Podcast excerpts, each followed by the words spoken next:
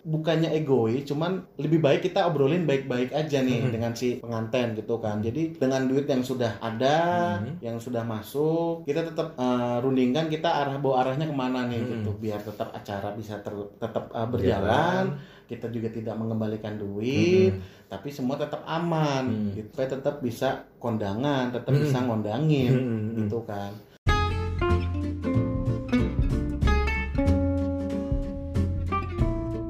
Ya, cek cek 123 balik lagi di podcast You Report yang bertajuk obrolan pulang kantor. Kali ini kita masih di season eh, keduanya obrolan pulang kantor yang kemarin kita udah bahas banyak banget bareng Stefanus Wibawa di episode kedua.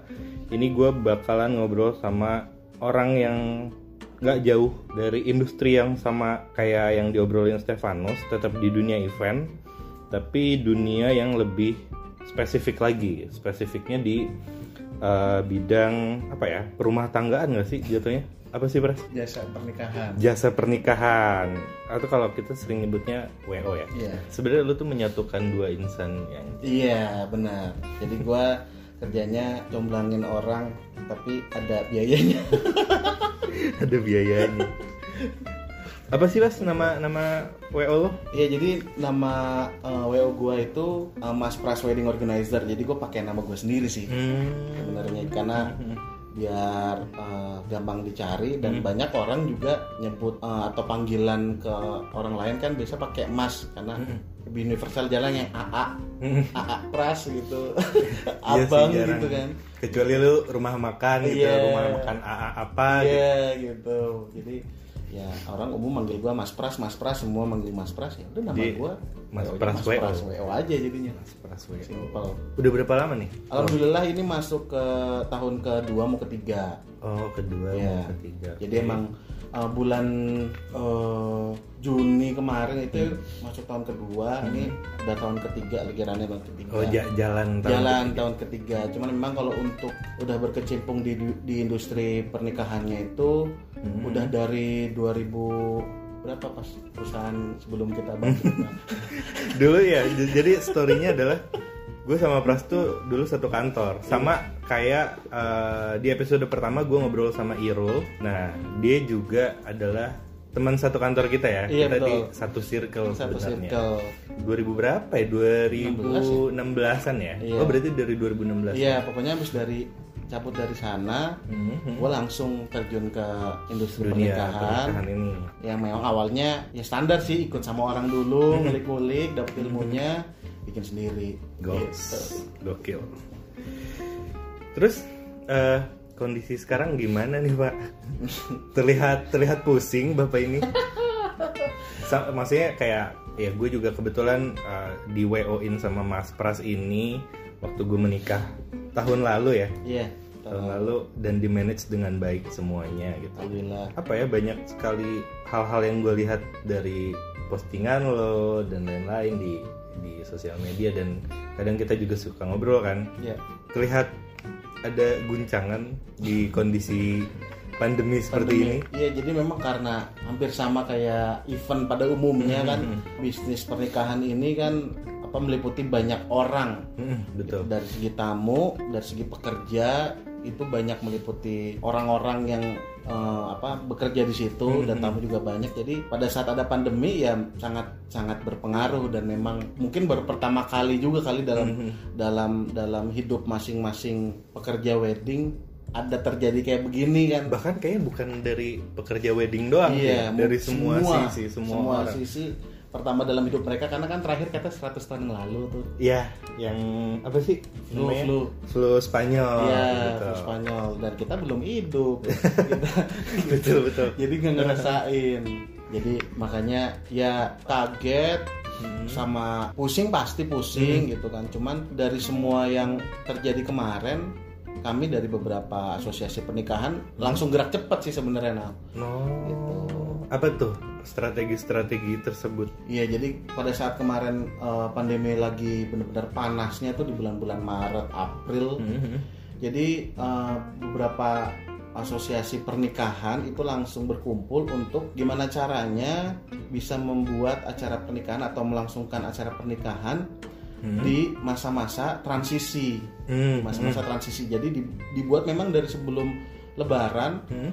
Eh, apa eh, regulasinya protokol protokolernya untuk bisa dilakukan di masa-masa sekarang nih Hmm. gitu jadi banyak yang sudah di eh, apa dirundingkan Hmm. dari masing-masing asosiasi yang saat ini udah bisa sebenarnya Udah bisa Udah untuk bisa. melangsungkan pernikahan. untuk melangsungkan pernikahan sebenarnya udah bisa Bahkan sebenarnya Mas Pras ini baru nikah juga kan? iya baru nikah bulan baru April nikah di bulan April. iya jadi Nah, sebenarnya itu lagi lagi kacau-kacau ya kan? iya itu lagi Pandemi ini. lagi panas-panasnya itu sebenarnya Kok lu berani menikah di kondisi seperti itu? buat gua eh, pernikahan kan niat dari hati kan pasti semua niatan baik ada cobaannya Iya betul. gitu. nggak hanya nikah semua lah pasti niatan baik ada cobaannya nah buat gua corona nih atau pandemi ini ya cobaan pada saat gua nikah Hmm. dan kenapa gua tetap lanjut gua nggak ngerasa pusing Bukan- banget sebenarnya sih Bukan karena ngebet ya? bukan Bukan itu doang. bukan karena investasi juga Nah, kan. Tapi karena karena emang niat. karena emang niat karena emang niat jadi ya gua lakuin aja masa gua kalah sama beginian gitu. Hmm, toh kan gak sendiri jadi Iya, enjoy aja gitu. Banyak yang nikah di KUA btw gue nikah di KUA doang waktu itu. Oh iya. cuman 10 orang yang boleh datang ke balai nikah. Lima dari keluarga wanita lima dari keluarga laki-laki. Dan itu tidak ada masalah ya. nggak apa-apa masih bisa.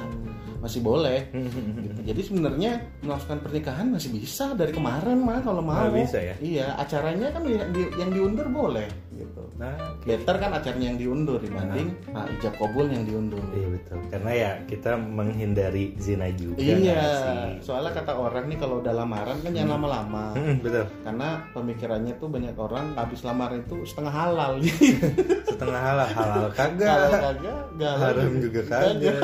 Iya iya iya. iya. jadi jangan kelamaan karena mindsetnya setengah halal bahaya juga tuh Nah tadi lu bilang kayak udah ada perundingan nih dari atau enggak udah ada diskusi di asosiasi WO se Indonesia se Indonesia berarti. ya? Indonesia Nah se Indonesia itu. Hasilnya apa tuh?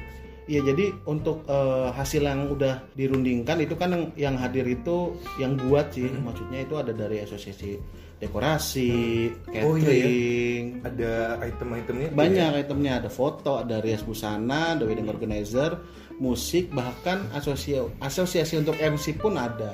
Oke. gitu. Jadi MC wedding ya. MC wedding. Hmm, Jadi kita udah dirundingkan dan keputusannya untuk bisa melangsungkan acara di masa transisi, di masa new normal, di masa PSBB itu udah bisa. Cuman memang yang perlu digarisbawahi paling penting adalah perihal tamu aja. Perihal tamu aja. Iya gitu. Karena sekarang bisa melangsungkan acara, tapi gedung yang dipakai hanya boleh diisi dengan setengah dari kapasitas aslinya. Kapasitas asli. Iya gitu. Dan untuk masalah vendor-vendornya, Hmm. semua udah apa membuat rancangan untuk bisa tetap melangsungkan acara dari masing-masing sektor. Contoh dari catering. Catering. Catering yang tadinya kan prasmanan ngambil sendiri. Hmm. Nah ini sekarang diambilin dituangin tuh. Jadi, prasmanannya. jadi tetap ada protokolnya. Ah, ah, tetap ada protokolnya. Jadi kan nggak pindah-pindah tangan tuh sendoknya. Jadi diambilin sama pihak cateringnya, waitersnya. Mhm. Terus eh, untuk masalah dekorasi. Hmm. Nah untuk dekorasi pun yang tadinya kan salaman ke pengantin itu panggungnya sama nih sejajar sama pengantin. Nah sekarang dari pihak dekorasi itu dibuatin stage jadi ada dua panggung pengantin sama ada panggung yang sedikit lebih rendah tapi nggak sejajar dengan gedungnya itu untuk salaman jadi namaste salamannya. Namaste salaman. Iya, Nah, sambil- jarak jauh tapi yang penting kita saling Ah, ah, lihat gitu. Iya memberikan selamatnya masih Ah, ada. masih ada. Gitu. Jadi itu sudah dibuat untuk berarti segi panggungnya tetap aman ya, tetap aman. Dari segi musik juga yang musik sepele nih tapi Heeh. eh, Tapi kalau nggak ada musik, nggak ada musik kan kurang krik-krik iya, juga krik di juga ya. kan. Iya, Jadi musik juga itu untuk panggung musiknya kan tadinya nggak ada penghalangnya antara tamu dengan Dan- pemain musik. Sekarang ada jadi depannya itu yang tadinya dekorasinya hanya di depan, Hmm. eh di belakang backdrop di sekarang di depannya depan ada. juga dibikin. Jadi dibikin kayak frame dan itu dikasih tutup plastik bening. Yo, Gitu. jadi malah keren dong ya. Jadi keren gitu. Jadi apa pemain musik kan karena kan nggak bisa pakai masker semuanya nih. Iya. Kan Ya, penyanyi orang nyanyi masa pakai masker. pakai masker. Masa orang pakai saksofon Saxophone pakai masker, gitu, gitu, gitu kan. Takutnya apa eh, lagi nyanyi terus orangnya di depan nggak ada penghalangnya takut misalkan nah ini udah ada sekarang ditutup jadinya lebih aman. Foto juga. Jadi untuk fotografer eh, apa hanya yang- keluarga terdekat Ah, ah, dan atau- untuk si- sistem fotonya juga udah karena panggungnya sudah disesuaikan jadi udah nggak berdempet tapi eh, masalah apa titik-titik untuk berfotonya itu masih ini masih apa masih bagus karena Masih dekorasinya bagus. kan disesuaikan Hmm. itu berjaraknya masih ada tapi masih estetik juga oke jadi sebenarnya sih dari masing-masing vendor udah udah buat eh, cara ya untuk solusi bisa- lah ya jatuhnya solusi, udah benar. udah udah membuat solusi untuk siapa pun yang mau melakukan atau mau menjalankan pernikahan Hmm. di masa-masa yang seperti ini Iya. gitu ya. Banyak kok yang udah bikin apa eh, simulasi Hmm? bisa dicek beberapa gedung-gedung eh, di daerah Jakarta, daerah Bekasi Hmm. ataupun hotel-hotel itu banyak yang sudah buat simulasi bagaimana eh, Menjalankan apa, pernikahan. pernikahan di masa pandemi Banyak, normal ini gitu. Hmm. Jadi sebenarnya masih aman kok. Masih gitu. aman ya. Karena apa ya? Kalau masalah regulasi kita buat Hmm. ini sebenarnya tujuannya bukan untuk pengantin. Ah, ah. Ini tujuannya untuk tamu. untuk tamu Keluarga kan atau- bikin acara buat tamu kan. iya betul Gitu. Mhm. Jadi nggak usah takut buat ngundang tamu ya lagi. perlu takut untuk itu nah di sisi lain nih pras tadi kan lu menjelaskan bahwa ya kita tetap bisa bisa melakukan pernikahan di Hmm. masa-masa seperti ini apa pun yang kita lakukan ya tetap ada risikonya Mm-mm, betul. Nah, banyak stigma orang berpikir bahwa menikah adalah menghabiskan biaya yang cukup lumayan, cukup tinggi dan dan bahkan ya lo harus mikir kalau mau nikah gitu. Ya. Nah, eh, soal biaya-biaya nih gimana? Apakah di masa seperti ini karena protokol baru jadi menurun biayanya Mm-mm. Atau malah jadi gimana atau malah gimana? Jadi kalau untuk masalah eh, Ya kita nggak perlu bilang nominal ya, Iya. cuma kayak persentase aja. Iya. Kalau untuk masalah harga, jadi gini, kalau sekarang nih karena masih new normal, untuk bikin acara gede sebenarnya bisa. Tapi banyak juga yang mensiasatinya eh, dari eh, calon-calon pengantin ini bikin akad doang, tapi jadi semi resepsi. Hmm, Nah, jadi kalau untuk masalah budgeting, sebenarnya gue selalu punya statement itu sebenarnya nikah kan nggak harus mahal betul. gitu. Tapi eh, yang penting itu wajar, Yang penting wajar. iya gitu kan. Ini Karena quotes terpenting sebenarnya. karena gini, misalkan eh, kalian mau tetap mau langsung nikah, budget kalian rata memang belum cukup banyak, kalian bisa lah akad doang nih gitu. Nah di eh, acara akad yang semi resepsi sekarang terjadi, itu vendor-vendornya banyak kok yang eh, harganya memang berkurang lah gitu. Harganya berkurang karena memang eh, dari segi eh, kerjanya juga kan nggak Jadi, seluas ya, nggak semua. nggak seluas uh, acara resepsi Pada gitu kan. umumnya. pada umumnya karena lebih lebih sedikit jadi pasti lebih berkurang dan berkurangnya lumayan kok gitu Lumayan, lumayan, ya? banyak Lumayan Gitu, banyak. lumayan banyak berkurangnya gitu jadi bisa kalau mau semi uh, resepsi itu Hmm. bisa tapi kalau untuk yang mau full resepsi dengan tamu yang mungkin 500 orang Hmm. 700 orang untuk masalah biaya hanya beda tipis Beda tipis. beda sebenarnya. tipis karena dari beberapa vendor kan ada tambahan equipment baru Oh iya. Iya, kayak dari segi catering yang tadinya kan cuman pakai seragam doang nih. Mhm. Sekarang kan pakai sarung tangan, Mhm, pakai face shield. face shield, Dan gitu lain-lain. kan dan lain-lain. Terus dari segi dekorasi juga sama, fotografer, wedding organizer, MC, musik. Jadi semua equipmentnya bertambah gitu. Jadi untuk masalah pengurangan kalau untuk bikin acara yang eh, memang full resepsi itu tetap berkurang tapi nggak terlalu Tapi banyak signifikan. lah, nggak signifikan lah gitu, Iya, nggak iya, terlalu iya, signifikan. iya, Karena tujuannya kan untuk kesehatan. benar Gitu, benar. tujuannya untuk Ya, kesehatan. tetap tetap merayakan merayakan sesuatu yang dibahagiakan oleh masing-masing pasangan, Mhm. tapi tetap juga menjaga kesehatan. kesehatan gitu. Nah, dari tadi kan kita ngomonginnya soal uh, klien nih, Hmm. jatuhnya klien ya, Iya, jatuhnya si klien. pengantin-pengantin ini dan uh, protokol-protokolnya uh, untuk melakukan pernikahan. Nah, dari teman-teman wedding sendiri, dari semua teman-teman wedding, sisi mana pun ya, Hmm. mau catering, dekor, uh, bahkan tim WO-nya Iya. itu sendiri, untuk saat ini dampaknya buat kalian gimana sih? Jadi paling gini kalau dari uh, vendor-vendor itu yang paling pusing sebenarnya bukan karena uh, nggak ada acara, Hmm, tapi, Tapi? banyak pengantin yang minta refund. uh, re Ref- Iya. refund Refund, duit. refund. refund. Refund. Nah, maaf maaf refund. refund duitnya minta balik karena acara mereka itu eh, Entah ada yang ditunda. entah ada yang ditunda, entah ada yang tidak jadi, entah ada yang dikurangin eh, apa eh, Item-item ya. item-itemnya gitu. Hmm. Jadi eh, yang bikin pusing sebenarnya itu sih banyak yang minta balik duit karena Oke. eh, sebenarnya banyak yang punya statement bahwa ini itu Hmm. salah satu eh, force major Ah, iya benar. Gitu. Benar benar benar benar. Jadi- Itu ada di kontrak. ada di kontrak Nah, waktu sebelum kalian pun akhirnya DP Iya, atau kan ada MOU keberapa gitu. Mm, kan ada MOU dari dari kita pakai jasa-jasa vendor ini. Hmm. Nah, banyak yang uh, berstatement bahwa Mas ini kan uh, force major Hmm. gitu kan. Jadi uh, kita minta duitnya balik gitu. Hmm. Nah, sebenarnya kalau dibilang force major secara 100% tuh enggak. Mm-mm. Karena kita bisa melangsungkan acara nih gitu kan. Dan uh, dari masing-masing uh, pihak entah itu vendor dan klien Mhm. secara personal itu kita tidak ter- ter- terkena Eh, dampak virusnya nih. Iya. Maksudnya kayak kalau memang alasannya si pengantin ini amit-amit misalkan Hmm. Positif, nah itu bisa dikatakan Ya. gitu. Major oke karena mau gimana gitu. Hmm. Karena pengantinnya kan harus lockdown Mm-mm. gitu. Harus harus harus stay ya harus di rumah Harus lah. di rumah, Harus karantin harus gitu ya. karantina gitu.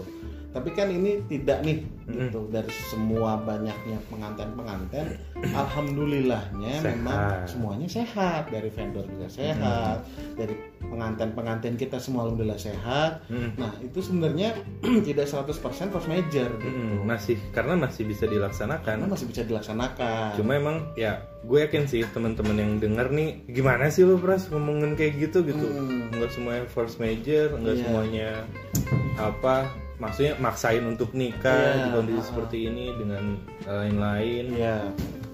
Jatuhnya kan eh, kalau kayak gitu kalau kita ngomong kayak gitu, kita jadi egois sebagai Iya. sebagai si Vendor. sebagai eh sebagai vendor gitu. Betul. Nah, sedangkan mereka sebagai orang yang mau nikah atau klien Iya. itu pengen melaksanakan sesuatu sesuai dengan apa yang ada di bayangan bayangan mereka. Mm-mm. Nah, menurut tuh kalau kayak gitu gimana? Sebenarnya lebih ke ini sih. eh, ibaratnya kan kita vendor Hmm. dengan klien itu kita berdua ini terkena dampaknya secara umum Hmm, apa pun Gitu itu kan. ya. apa pun itu secara umum nggak hanya kita sih semua orang lah semua pekerja Hmm. gitu kan nah kita pasti akan mencari solusi Hmm. bagaimana nih caranya Jalan tetap tengah. jalan tengahnya Betul. tetap bisa uh, sama-sama uh, enak gitu win Hmm. solusinya ada gitu kan jadi bukannya egois cuman lebih baik kita obrolin baik-baik aja nih Hmm. dengan si pengantin gitu kan jadi uh, dengan duit yang sudah ada Hmm. yang sudah masuk kita tetap uh, rundingkan kita arah bawa arahnya ke mana nih Hmm. gitu biar tetap acara bisa ter- tetap uh, berjalan kita juga tidak mengembalikan duit tapi semua tetap aman Hmm. gitu jadi istilahnya istilahnya kayak ya dari pihak WL pun nggak rugi karena sudah mengeluarkan Iya. tenaga ini itu sebelumnya betul dari pihak si uh, Klien. kliennya pun tidak rugi karena sudah membayar iya atau gitu. sudah DP. iya jadi iya. sebenarnya bukannya egois cuman ya salah satu yang sudah dibuat oleh asosiasi wedding ini kan tujuannya untuk itu untuk untuk ya untuk pengantin untuk tamu supaya tetap bisa kondangan tetap Hmm. bisa ngondangin Hmm. gitu kan Hmm. jadi kalau untuk tiba-tiba batal itu sama saja memutuskan sebelah pihak aja kan Iya, yang memutuskan maksudnya gitu sedangkan kita di sini sudah buat loh. Iya, sudah buat perencanaan. Perencanaan. Ya jatuhnya jadi rugi di kalian. Iya gitu maksudnya bukan egois tapi yuk kita ngomong bareng-bareng gitu kan klien kira-kira eh, masalahnya kesulitannya apa nah kita di sini dari pihak Nyari eh, solusi. iya dari pihak vendor-vendor asosiasi kita sudah buat kok solusinya gitu nah di situ sih Wow. Nah, lu kemarin klien-klien lu nih, klien-klien lu Ah. nih gimana nih? jadi untuk klien klien-klien gue emang banyak yang mundur karena kan kemarin itu dari bulan Februari akhir Hmm. itu udah mulai banyak yang memutuskan untuk menunda kan Hmm. acara akad resepsinya si uh, klien ini. Klien. Jadi memang selama Februari akhir sampai bulan Juni Hmm. itu uh, hampir tidak ada sama sekali acara kan.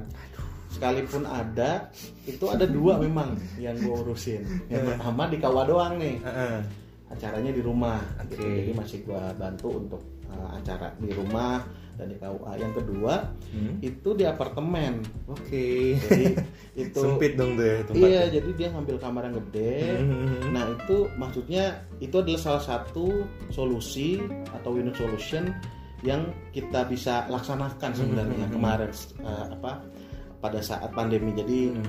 Kita kerundingan dengan pengantin, kita Hmm. dengan dengan vendor, duit yang sudah masuk. Ini bagaimana nih Hmm. gitu kan? Akhirnya ketemu solusi. Akhirnya ketemu solusi Di situ. itu di apartemen. Kita coba kom- kom- komunikasi dengan pihak apartemen dan Hmm. apartemen pun mengizinkan, Hmm. mensupport juga gitu kan. Jadi vendornya tetap dipakai Hmm. untuk eh, di Dekor. acara itu dekornya, riasnya, foto masih tetap dipakai. Catering pun juga. Catering pun juga masih dipakai gitu kan. Tapi memang dari duit yang sudah masuk itu eh, ya dipakai untuk acara itu. Jadi Hmm. sisanya itu nggak usah dibayarin lagi. Oh, oke. Gitu. Jadi kan enak win solution. Jadi enak win-win solution apa yang kalian. udah masuk, apa yang udah dibayar, ya itu kita laksanakan lah, Betul. kita buatkan acara yang Karena emang nikah kan salah satu eh kata kita kita bisa bicara nikah adalah salah satu ibadah Iya, betul. yang harus kita lakukan dan itu juga adalah niat baik gitu. Iya. Ya masa sih kita mau niat baik tapi eh, disulitkan oleh berbagai Iya. macam pihak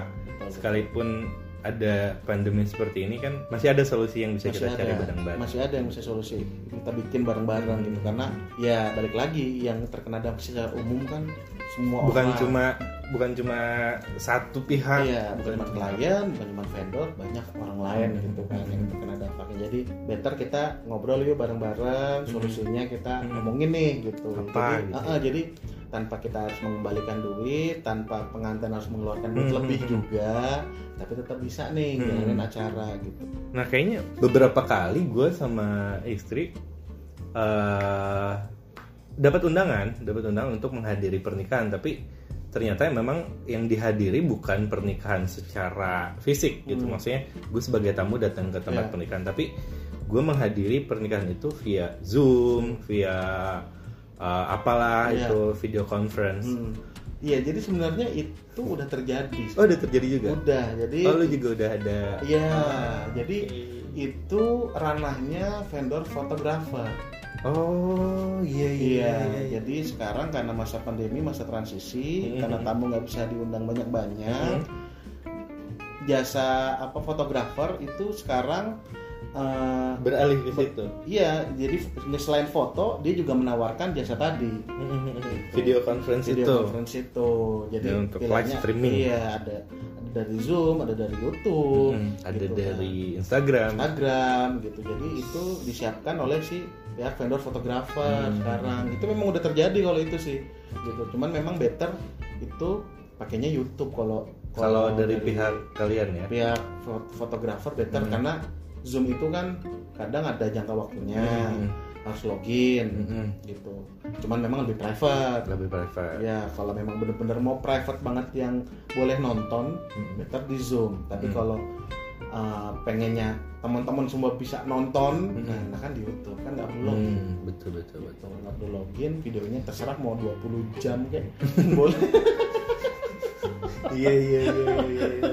Iya. gitu. Jadi itu udah ada kok udah. Udah ada ya. Itu udah terjadi di sini memang ya solusi-solusi kayak gitu sebenarnya dari pihak kita nih udah udah banyak kok. Udah banyak. baik baik- baik vendor-vendor pernikahan udah banyak banget solusi yang kita uh, kasih kayak misalkan undangan juga sekarang uh, by digital jadi datang itu udah nggak nulis tangan Mm-mm. karena kan takutnya Udah scan barcode atau scan apa. barcode gitu dan dan Iya, iya, sampai ke iya. kotak angpau pun dis, disuggest juga kalau bisa transfer. transfer gitu jadi Nggak buang-buang kertas Iya, amplop ya. Iya, iya. amplop, dan kertas itu banyak numpuk bekas tangan orang nanti Hmm. pas mau ngupas-ngupas eh mau sobek-sobek si amplop kan megang- Duitnya robek ya. robek gitu jadi udah Iya, banyak iya, kan solusi iya. banyak kok gitu Banyak ya. Banyak. Jadi jangan takut kalau misalkan Jangan. kita mau nikah di kondisi seperti ini atau Hmm. udah udah ada rencana nikah dari lama. iya Jangan takut ya. jangan takut karena niat baik itu pasti dikasih jalannya juga baik. Apa pun tantangannya sebenarnya. Apa pun tantangannya gitu. Ya, ya, ya ibaratnya namanya niat baik kan pasti cobanya ada jangan kalah aja sama cobaan ya betul. gitu. Betul, Jangan kalah sama cobaan. Nah, Bras, terakhir nih Bras Hmm. ya. Siapa tahu nih teman-teman yang dengar juga uh, pengen pengen konsultasi Iya. Konsultasi mah gratis kan gratis gratis kan kalau konsultasi mah gratis kalau mau konsultasi bisa sama lo kan bisa nah kalau mau konsultasi gimana nih caranya iya jadi kalau apa kalau untuk mau ngobrol-ngobrol Mhm. itu di Instagram Mhm. uh, gue ada cari aja at maspraswo.entertainment jadi gue Mhm. gue juga musik juga gue Mhm. menyediakan jasa musik juga nah Mhm. itu di situ ada ada ada nomor telepon ada nomor telepon dan ada Mhm. tinggal diklik doang itu di situ Mhm. itu nanti langsung masuk ke WhatsApp kok. WhatsApp ya langsung masuk WhatsApp mau sharing sharing dulu boleh karena kan yang namanya namanya Mhm. jualan namanya jualan Ya. ada tanya jawab ada Mhm. Negosiasi harga itu atau mah, apa atau gitu. dan lain-lain ya Jadi atau mau ngobrol sekedar ngobrol ngobrol boleh dan- gimana sih nih solusinya Iya. gitu Bu, Henika Ah, ah, nanti Iya, juga iya. gue bisa kasih juga gue bisa share juga Ah, apa bentuk eh, apa eh, proposal Guideline ya. guideline-nya yang memang udah kami buat nih gitu dari beberapa asosiasi wedding untuk bisa Di-share, dipelajarin lah. dipelajarin. Nah, gue share gimana baiknya iya. melaksanakan pernikahan di Ah, masa nanti bisa seperti ini. kalau misalnya emang mau konsultasi WhatsApp nanti tinggal gue share tuh. Di at mas pras wo WO Ah. dot entertainment. Dot entertainment Iya. Oke.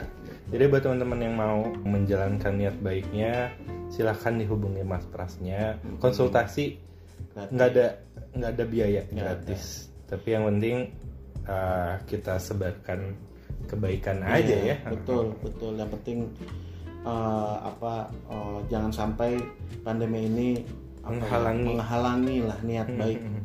dari Kita semua, betul.